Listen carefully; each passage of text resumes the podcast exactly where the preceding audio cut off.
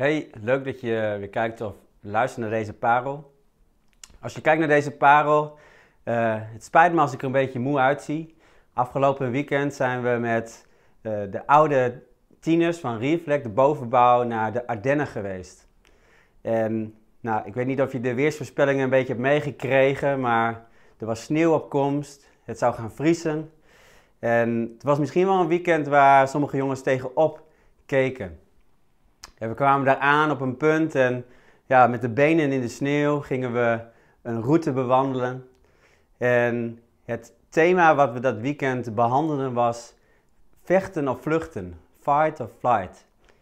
En ja, je komt soms in situaties dat je misschien het liefste wegrent, het uit de weg gaat. En in dit weekend weet ik zeker dat de jongens, maar ook ikzelf, op, uh, op een punt zijn gekomen dat je het liefste uitstapt. En uh, het was zwaar, het was uitdagend, maar het was ook heel verbindend. Nou, als je het hebt over vechten en vluchten, ja dan... Uh, nou, we hebben eigenlijk stilgestaan bij het leven van David. En een van de verhalen die enorm tot de verbeelding spreekt, is de situatie, het verhaal van David en Goliath. En ja, je kent het verhaal waarschijnlijk en het staat in 1 Samuel 17 beschreven. En ik weet niet of je je wel gerealiseerd hebt dat het maar ja, zo'n beetje had gescheeld of die hele confrontatie had niet plaatsgevonden. David die kwam ja, mensen op zijn pad tegen die hem eigenlijk een andere kant op wezen. En daarover wil ik ook met jullie lezen. David die is daar aangekomen in het kamp. Hij komt daar om een boodschapje te brengen bij zijn broers. En dan staat hij daar te praten met zijn broers en dan lezen we vanaf vers 23. Terwijl hij met ze aan het praten was, trad uit de Filistijnse gelederen de kampvechter naar voren, Goliath uit Gat. En David hoorde hem en de, hoorde hem de uh, Israëlieten uitdagen zoals hij dat elke dag deed. En bij het zien van Goliath renden de Israëlieten angstig weg.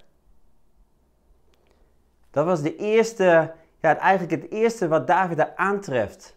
Hij ziet daar een, een, een leger van getrainde mannen. En terwijl Goliath daar tevoorschijn komt, dan rennen ze als bange, jongens weg. En hij, hij, hij staat er te praten met, ja, met een aantal van die soldaten. Wat gebeurt hier nou?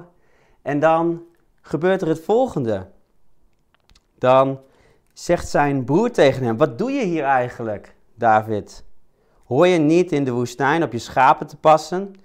Echt iets voor jou om hier met je brutale neus vooraan te staan als er gevochten gaat worden. Een tweede, ja, eigenlijk signaal, een, een, een confrontatie waar het eerste signaal een signaal was van, van angst, van intimidatie, dan, dan is er nu eigenlijk een signaal van afwijzing. Van zijn oudste broer die daar, die wel oud genoeg is om in het leger te dienen en die zoiets heeft van wat, wat doe jij hier als klein broertje? Wil je een beetje interessant doen? En ja, wanneer hij dat net achter de rug heeft en hij uh, komt bij koning Saul, dan zegt koning Saul het volgende. Jij kan hem toch onmogelijk aan? Je bent nog maar een jongen en hij is al van jongs af aan gewend om te vechten. Vechten of vluchten, dat is een keuze die ook beïnvloed kan worden door je omgeving. Er kunnen stemmen zijn die in jouw leven willen spreken. En je hebt daar dat leger dat eigenlijk angst en zorgen communiceert. En eigenlijk ja, indirect zegt van David, uh, ga maar niet de strijd aan. Dan heb je daar die, die broer die, die hem gewoon ja, afwijst, hem beledigt, hem kleineert. En ja, dat signaal dat, dat kun je misschien ook wel kennen. Dat wanneer jij dappere keuzes wil maken, dat er dan ja, mensen zijn van heel dichtbij die, die je eigenlijk ontmoedigen en een andere kant op willen sturen. En dan is daar koning Saul, de, de grote leider, een autoriteit, op dat moment ook de baas van, van David. En die is eigenlijk best wel realistisch als ik daarover nadenk. Het is niet een regelrechte leugen. Hij spreekt hem aan, je bent nog jong, je bent niet ervaren. En dat klopt ook. En David die lijkt op een of andere manier niet ja, gevoelig te zijn voor al die stemmen. En ik zie hem niet de muur optrekken van, eh, nou, ik luister niet naar jullie, jullie kunnen me niet raken, ik doe mijn, mijn vingers in mijn oren. Ik zie hem ook niet een soort ego hebben van, ja jongens, jullie zeggen dit nou wel, maar je kent me niet, ik kan dit klusje wel aan, ik, ik, ik, ik heb echt meer in mijn mars dan jullie denken. Nee, David die realiseerde zich heel goed dat hij het niet moest hebben van zijn ervaring, dat hij het niet moest hebben van zijn uitrusting. Hij liet zelfs uh, de uitrusting van Saul hij links liggen. Hij moest het niet hebben van een goede tactiek. Nee, hij kwam daar eigenlijk heel kwetsbaar. Maar wat is dan dat geheim van David? Hoe kan het dat hij ja, hier soort van immuun voor lijkt te zijn? Nou, ik geloof dat één geheim een hoofdstuk eerder beschreven staat. Dat is eigenlijk de eerste ontmoeting in de Bijbel die we kunnen hebben met David. En dan komt Samuel daar. Omdat hij geroepen wordt door God om een nieuwe koning te zoeken. Al, ja, eigenlijk al een, een, een nieuwe vervanger voor, voor Saul. En dan staat er aan uh, in vers 13 wordt er beschreven dat Samuel David zalft. En dat sindsdien hij doordrongen was door de Heilige Geest. De Heilige Geest in jou als raadgever, dat is ook een van zijn namen, als stem die je ja, toch een andere kant op wijst. En er is nog iets, en dat lezen we in 1 Samuel 17, vers 37. Als David eigenlijk een, ja, een, een, een argument geeft om toch die strijd aan te gaan. En dan staat daar: De Heer die me gered heeft uit de klauwen van leeuwen en beren, zal me ook redden uit de handen van deze Filistijn. Weet naar wie je luistert. Luister je naar mensen die je soms heel goed bedoeld een, een raad willen geven? Luister je naar de massa of naar de media die, die vaak zo door, door angst of door, ja, uh, door hypes worden gedreven? David laat ons zien ja, dat er een hogere weg is. Dat er een stem in je hart kan zijn die, die door de Heilige Geest wordt ingegeven, maar ook die gebaseerd is op ervaring. God zo graag zichzelf wil openbaren aan jou.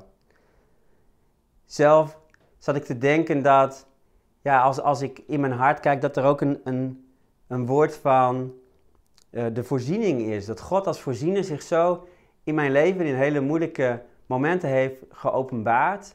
Dat dat een, een woord is wat ik in mijn hart meedraag. Dat als er een situatie zich voordoet waarin ja, er een, een tekort lijkt te zijn, dat ik geloof ervaar dat God zal voorzien. Misschien heb jij dat wel als God, in de vorm van God als trooster. Dat je zo diep zijn troost hebt ervaren in moeilijke situaties dat je, ja, dat je dat meeneemt en dat je dat in je hart draagt. Of misschien ken je God als genezer of God als bevrijder. Of God als Yahweh die er altijd is.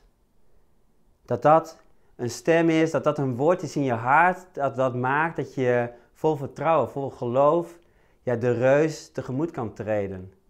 En dat je het, ja, het vechten verkiest boven het vluchten. Weet je, en David die werd verzameld, die kwam daar op een plek en, die werd eigenlijk verzameld door stemmen die hem een verkeerde kant op wezen. En toch ging die dat duel aan.